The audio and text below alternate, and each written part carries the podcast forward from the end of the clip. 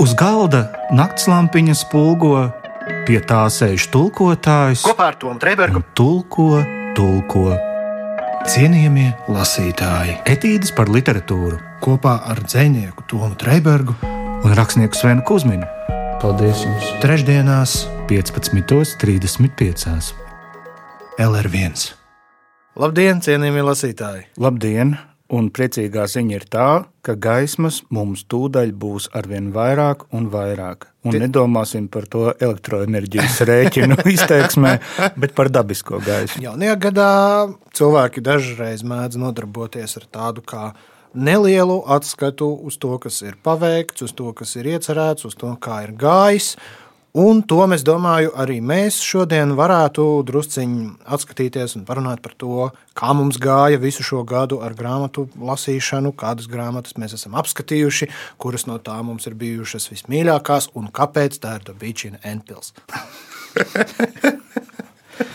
Un ar to arī mēs mūsu raidījumu noslēdzam. Paldies, cienījamie lasītāji, par uzmanību. Jā. Viņi taču ākstās. Uh, tas taču ir viss, ar ko viņi nodarbojas. Es teikšu tā, man tieši ar prozas grāmatām bija tāds gandrīz vai iekšējais kritērijs izstrādājies. Tas notika, starp citu, diezgan agri. Pēc tam, kad mēs izlasījām Matija Sēnāra kompasu. Tas kompass mūsu ciklā šogad parādījās diezgan agri. Tā bija viena no mm, agrīnajām grāmatām. Jā, gada griezumā. Jā. Mm -hmm. nu, viņa uzreiz uzstādīja ļoti augstu latiņu gan estētiskā ziņā, gan, nu, lūk, tu teici, viena grāmata, kurā patiesībā bagātināšanās ziņā ir četras, un šajā grāmatā tādas iekšējās bagātināšanās ziņā varbūt bija 44, bet vienlaikus tā grāmata arī bija diezgan smaga. Viņa nebija viegli sagramojama. Un nesagatavotam lasītājam no malas tas var patiesībā būt diezgan liels uh, trieciens. Šie informācijas apjomi un šī, šī iespēju bagātība. Un mums kaut kā sanāca, ka bija blakus šis kompass un dabīčina lakoniskā un tomēr ļoti piesātinātā Enpils. Un tad man sanāca tāds kā spektrs starp Enpili un kompasu. Un tad es mērīju Enpilīs un kompasos visas gada Ah. grāmatas. Tā man sanāca. Tādi tev bija indikātori. Jā. Nu, tā kaut kā izstrādājās diezgan agri. Jā.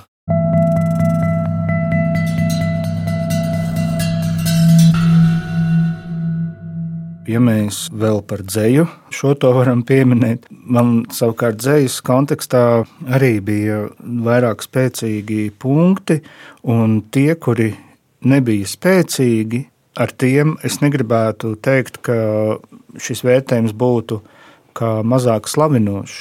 Tāpēc, ka arī izmantojot analoģiju par mūziku, dažādas simfonijas daļas arī ir atšķirīgos, dinamiskos un spēka apjomos sadalāmas pēc klasiskajiem principiem. Celsmīgā, dramatiskā un ievads izterzājums, kompo- Nobeigums, nobeigums un, un, Labi, kur tev bija crescendo? Tev bija crescendo. par tiem crescendo varbūt uh, es tagad negribēšu tik ļoti plaši izteikties, jo par to mums būs iespēja vēl pārliecināties nākamajā mēnesī. Taču noteikti, ņemot vērā, ka mums ir tāds svētku priekšvakara raidījums, es vēlētos vienu no ļoti īpašiem garīgiem piedzīvojumiem mūsu kopīgajā raidījuma vēsturē piedāvāt fragment no raidījuma, kuru mēs ierakstījām 5. maijā. Tas būs no Knutas Kojanieka krājuma Lirika un balsis.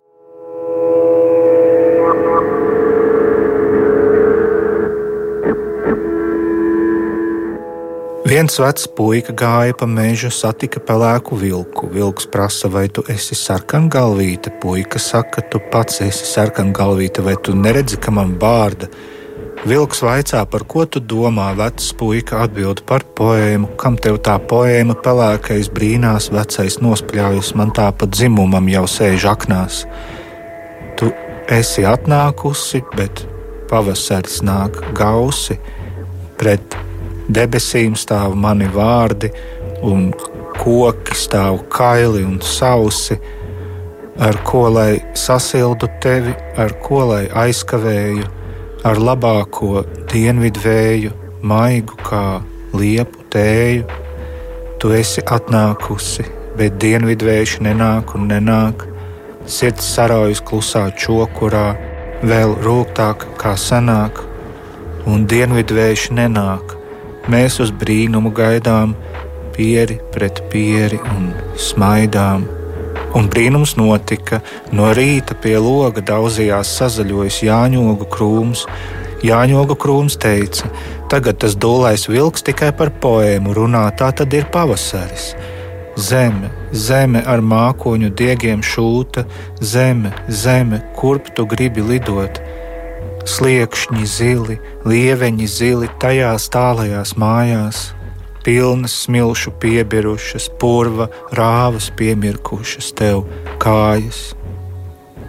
Postscriptum poēma tā arī palikusi nepabeigta.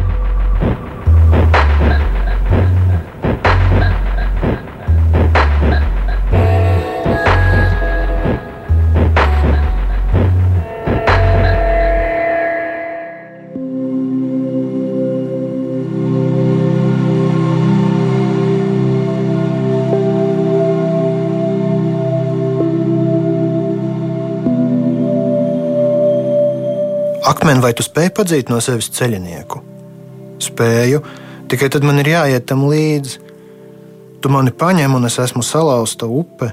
Mana mēlē vēl nav atkususi, rokas pilnas ar drazām, bet dvēsele pieder tev kā putekļs pieder pavasarim. Es nekaroju, es nevaldu, es tikai kalpoju tavu krāsu, nesot tavu domu, domājot, kas salauzts, tam jāplūst, kas sacīs nāve, tam jāteic pēc nāve. Es jau eju zem smilts un zem klīns, un manās acīs skaidroju savoti. Šodien nevajag gaismas, un nedod to man arī rītu. No paša vidus aug uguns nenotverams un nepamodies, un aug uz tevi un nepamostas. Zvaigznes iekārtojušās migās un aicina mūs uz nogurumu Mēs klusēdami saucam viens otru un aicinām zvaigznes. Ņem maizi, kas rokā un izpeldēsi caur izmisumu, ņem roku, kas sirdī un pārklibosi pār neticību. Ņem sirdi, kas dvēselē, ņem dvēseli dvēselē, bet mēs klūpam visi pie sīkas virgzda. Un tā ir netaisnība. Klijāna man neizdibināms tavs miers un augstums. No tā sāp acis, vīst sirds un rokas kļūst skaudīgas. Es esmu vidū cilvēku, un tu esi malā. Kā palīdzēt lietum, ja mani pirksti ir lietus slapji?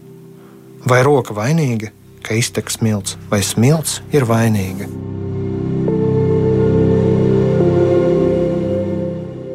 Cienījamie lasītāji, es nevaru neuzsvērt, veicot šādu nelielu atskatu uz aizvadīto gadu, cik patiesībā daudzveidīga šoreiz bija mūsu literatūras izvēle. Man liekas, mēs sev tā neļāvām īsti ieiet nekādā komforta un ieradumu zonā. Mums bija tādi diezgan spēcīgi satricinoši momenti, kā piemēram Roberto Balanjo. Jā, un es starp citu arī gribēju pieminēt Primo Levija attēlu, kas arī bija literatūra, kas vienkārši lika nodarbēt savu varenumu priekšā. Un diezgan daudz bija. Tad bija savukārt popkultūra un šausmas, e, tur Murakami izpildījumā un tam līdzīgi. Bet, ja mēs runājam par prózu, tad reti kurā grāmata mani ir izbrīnījusi un pārsteigusi tik ļoti dažādos veidos. Gan struktūras ziņā, gan literārās uzbūves ziņā, gan emocionālā spēka ziņā. Un šo sarakstu varētu turpināt un turpināt un turpināt. Zini, mēdz būt dažādas grāmatas, mēdz būt ļoti skaisti sakomponētas grāmatas, kas um, atstāja ar tādu dziļu estētisku pārdzīvojumu sajūtu, un, un tas arī ir viss, un pie tā viss beidzas. Vai arī gluži otrādi grāmatas, kurus tu grauz kā granītu. Tu zini, ka tas ir ļoti svarīgi, bet tu tomēr grauz granītu, vai ne? Bet bija viena grāmata, kurā patiešām kaut kādā īpatnējā veidā saskanēja viss tādā vienotā simfonijā, un šajā mūzikas metafāras uh, modē. Un šī grāmata nevelti Nobela prēmijas laureāta. Mums ir diezgan daudz Nobela laureātu. Bija šogad, ja tā paskatās. Un arī Bukers arī viņai ir ne tikai Nobels. Arī tas, un arī vēl Gonkūra prēmijas laureāts. Prēmija. Var sakot, visas iespējamās prēmijas. Un, uh, Laligaba varbūt kaut kur bija kādam autoram.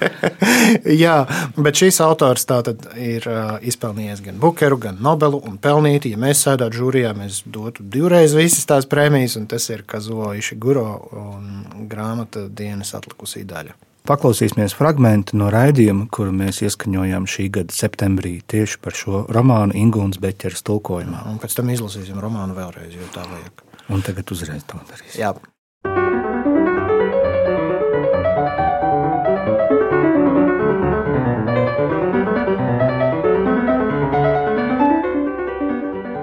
Es ticu, ka pamazām atklājas atšķirības starp dižu un tikai kompetentu virsulaini. Tas arī ļauj labāk saprast, kāpēc tēvam tik ļoti patīk stāsts par virsulaini, kas nekrita panikā, atklāja zem ēdamgalda tīģeri. Tēvs instinktīvi zināja, ka kaut kur šajā stāstā meklējams patiesas cieņas kodols. Un atļaujiet man to postulēt, cieņai ir izšķiroša saistība ar sulaiņu spēju nepamest profesionālo dzīvi. Netik izcila virsulaini pie sīkākās provokācijas pamet profesionālo dzīvi privātās dzīves labā. Šādiem cilvēkiem būt virssulainim nozīmē spēlēt tādu kā pantomīmas lomu. Viegls grūdienis, viegls klupiens un šķitums krīt, atklājot aktieru zem tā. Dižie virssulaiņi ir diži, pateicoties spējai apdzīvot savu profesionālo lomu un darīt to līdz galam. Ārējie notikumi, lai cik negaidīti, satraucoši vai sāpīgi, viņus no tā neizpurinās. Viņi profesionalitāti valkā kā krietns džentlmenis uzvalku. Viņi neļaus neliešiem vai apstākļiem to noraut. Visiem redzot, viņi to novelk tikai tad, kad vēlas to darīt, un tas nemainīgi notiek tikai tad, kad viņi ir pavisam vieni. Es teiktu, tas ir cieņas jautājums. Reizēm mēdz uzskatīt, ka patiesa virssulaiņa esot atrodama tikai Anglijā. Citās valstīs, lai kādu vārdu tur lietotu, esot tikai kalpotāji. Es tiecos šim viedoklim piekrist.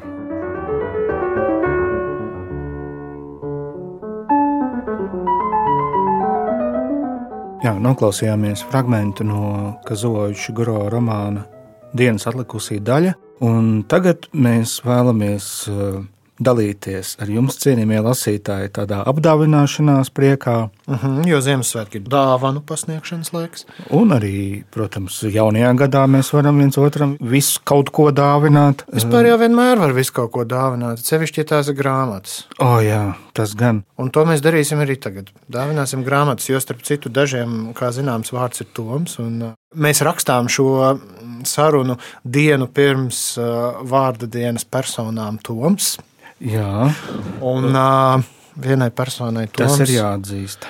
Es tev atzīšos, to es jau kādu laiku glabāju šo grāmatu plauktiņā mājās, jau kādas divas nedēļas. Es viņu ļoti lielā steigā lasīju no vāka līdz vākam, lai varētu tev viņu pasniegt. Nu, tad uh, daudz laimes cienījamajā lasīšanā. Un es no Svena rokām saņemu rakstnieka un dzēnieka Čārlza Bukauska dzējoļu izlasi no 1951. līdz 93. gadam. The Pleasures of the Damned, jeb uh, nolādēto prieki. Mm -hmm. Es tā uz ātrām oglēm uh, jā, jā, iztulkoju. Jā. Šo. Bet tom, es arī šo to uz ātrām oglēm iztulkoju. Jo šis ir tāds uh, nu, šis ir tāds, zini, šī grāmata, protams, šis nav Bukovska sastādīts krājums. Šis ir tāds greatest hits albums. Un es ceru, ka nu, tādi īsteni daļradas cienītāji pārāk nedusmosies. Bet man liekas, ka šī ir brīnišķīga Bukovska daļradas izlase. Jo vairāk tāpēc, ka tur ir arī nepublicēti darbi. Un es atļāvos atzījot vienu dzējoli speciāli jums. Nu, redzēt, cienījamie lasītāji Mēs esam vēsturiskā brīdī. Svens Kusmins mums ir dalījies ar savu atzējojumu. Nu, tur piedodiet, cienījamie redaktori, tur varbūt nav vēl viss eh, tā līdz galam noslīpēts, bet es centos. Tātad Čārls Bukovskis, pārvērtības, oriģinālā nosaukums ir Metamorfozes un atzējojis Svens Kusmins.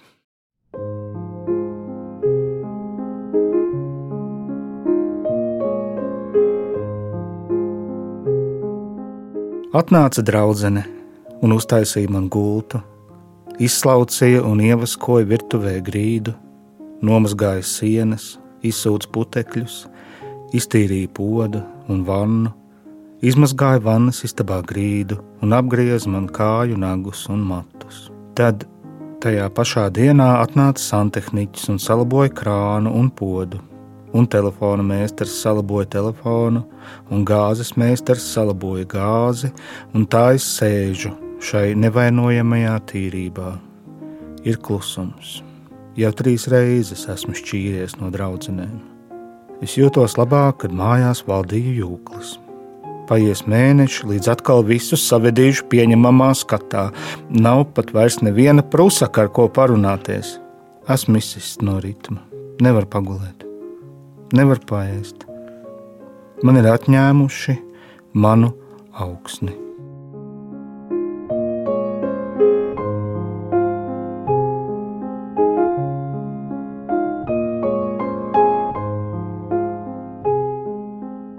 Man nav ne jausmas, vai tas ir pirmā tulkojums latviešu vai nē. Varbūt kāds to jau ir izdarījis, jo diezgan daudz kas tomēr no Bukovska dzējām pie mums ir iznācis līdz šim.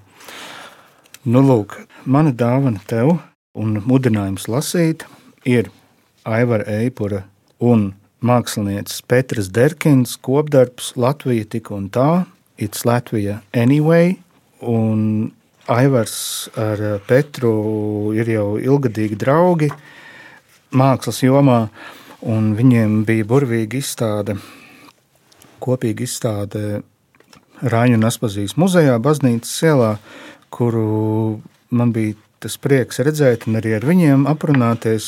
Cienījamie lasītāji, ja jūs vēlaties šo sarunu, jūs varat atrast Kultūras Rondo arhīvā Latvijas Rādio LSM lapā. Un kāpēc es izvēlējos tieši Aivaru Eipuru? Tas ir uh, divu iemeslu dēļ. Tādēļ, ka man liekas, kādas divas reizes viņš ir man piezīmējis tādu lietu, satiekoties, ka. Un tagad es, Aivar, lūdzu, neapvainojies, bet es nedaudz parodēšu tavu izteiksmi, jo tas ir nepieciešams radio klausītāju nepie, vajadzībām. Un, var, var sakot, Aivars man pienāca klāt un teica, Jā, bet klausies, un tur jau ir ļoti labi iespēja, ka varētu arī paskatīties, ja man bija tā pirmā grāmata, un uh, sērijā pirmā grāmata, un, un viņi jau liesmā toreiz bija, un, un tur jau īstenībā man, man vienkārši liekas, ka jums labi sanāk, un ka jūs tā arī kaut kur, kaut kur arī kaut ko tādu retāku un paņemat, un, Un tas būtu interesanti, jo tā, nu, saprot, nu, arī jauns cilvēks skatījums, bet viņam ir tā, nu, tāpat kā tagad jauns cilvēks skatās, nu, tieši nepastarpināti. Fantastiski. Es, es jā, redzu, Aivaru atspriekšā. Jā, Aivar, piedod vēlreiz, bet tas man bija jāizdara. Uh, bet es ah. ceru, ka tu kolēģiāli sapratīsi šo manu vēlmi.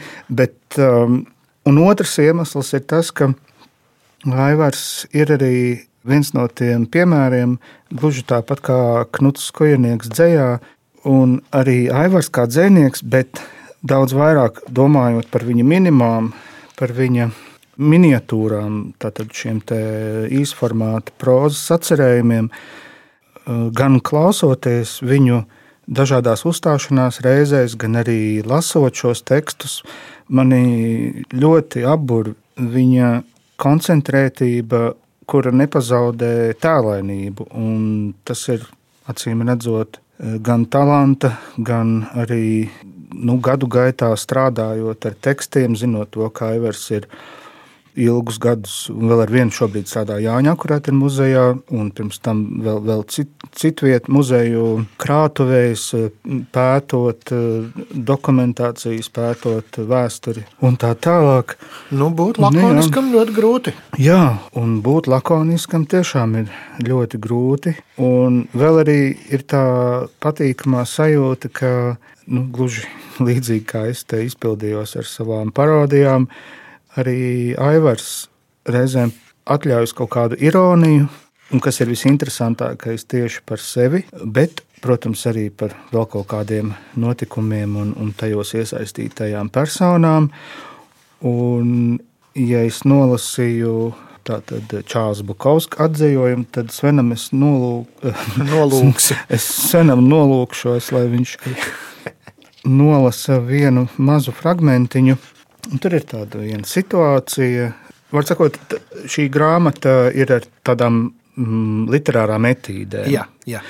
Un uh, viena no šīm etīdēm atsaucas uz tālāku, pa, mm, iepriekšēju paskaidrojumu, respektīvi, tur ir nu, divas uh, meitenes, kuras sauc uh, vienā vārdā, mhm. bet mēs tagad neiz, atstāsim intrigu, kāpēc tur viena ir vecāka un viena ir jaunāka un kādas tur bija tās attiecības, bet šis ir ļoti, manuprāt, gan atsaucās arī uz tavu iztulkoto dzējoli pārvērtības, gan arī viņš, man liekas, ļoti precīzi paskaidro Aivara Eipura izteiksmi un arī nu, kaut kādas smalkās kaitas, gluži kā Erikam Ādamsonam. U, burvīgi tā. Mm. Brīnišķīgas bildes. Tā, un tas fragmentiņš ir šis. Ja? Jā. À, tie ir bilingvāls cienījamie lasītāji. Tie ir latviešu un angļu. Jā, tur ir gan latviešu, gan angļu valoda. Divās valodās un ar bildēm.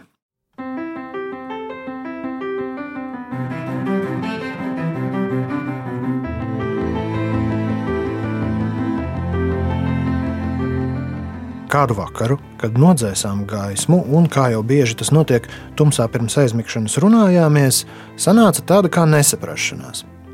Labākas attiecības man bija ar jauno Kristīnu, un mūs vienoja arī vairāki kopīgi paziņas no mākslu pasaules. Tas arī to vakar laikam ilgi krājies, beidzot bija aizvainojis otru Kristīnu, jo pēkšņi tumsā zem sēgas nepajokam aizsvilās. Jā, jums jau labi, jūs visādus cilvēkus pazīstat, par visiem runājat.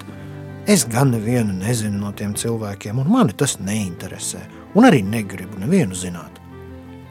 Piesardzīgi ieminējos, tā jau nav, ka neviena nezina Kārli Sebri, tak tu zini, Kristīna no visas sirds atcerta, nezinu es nekādu Sebri.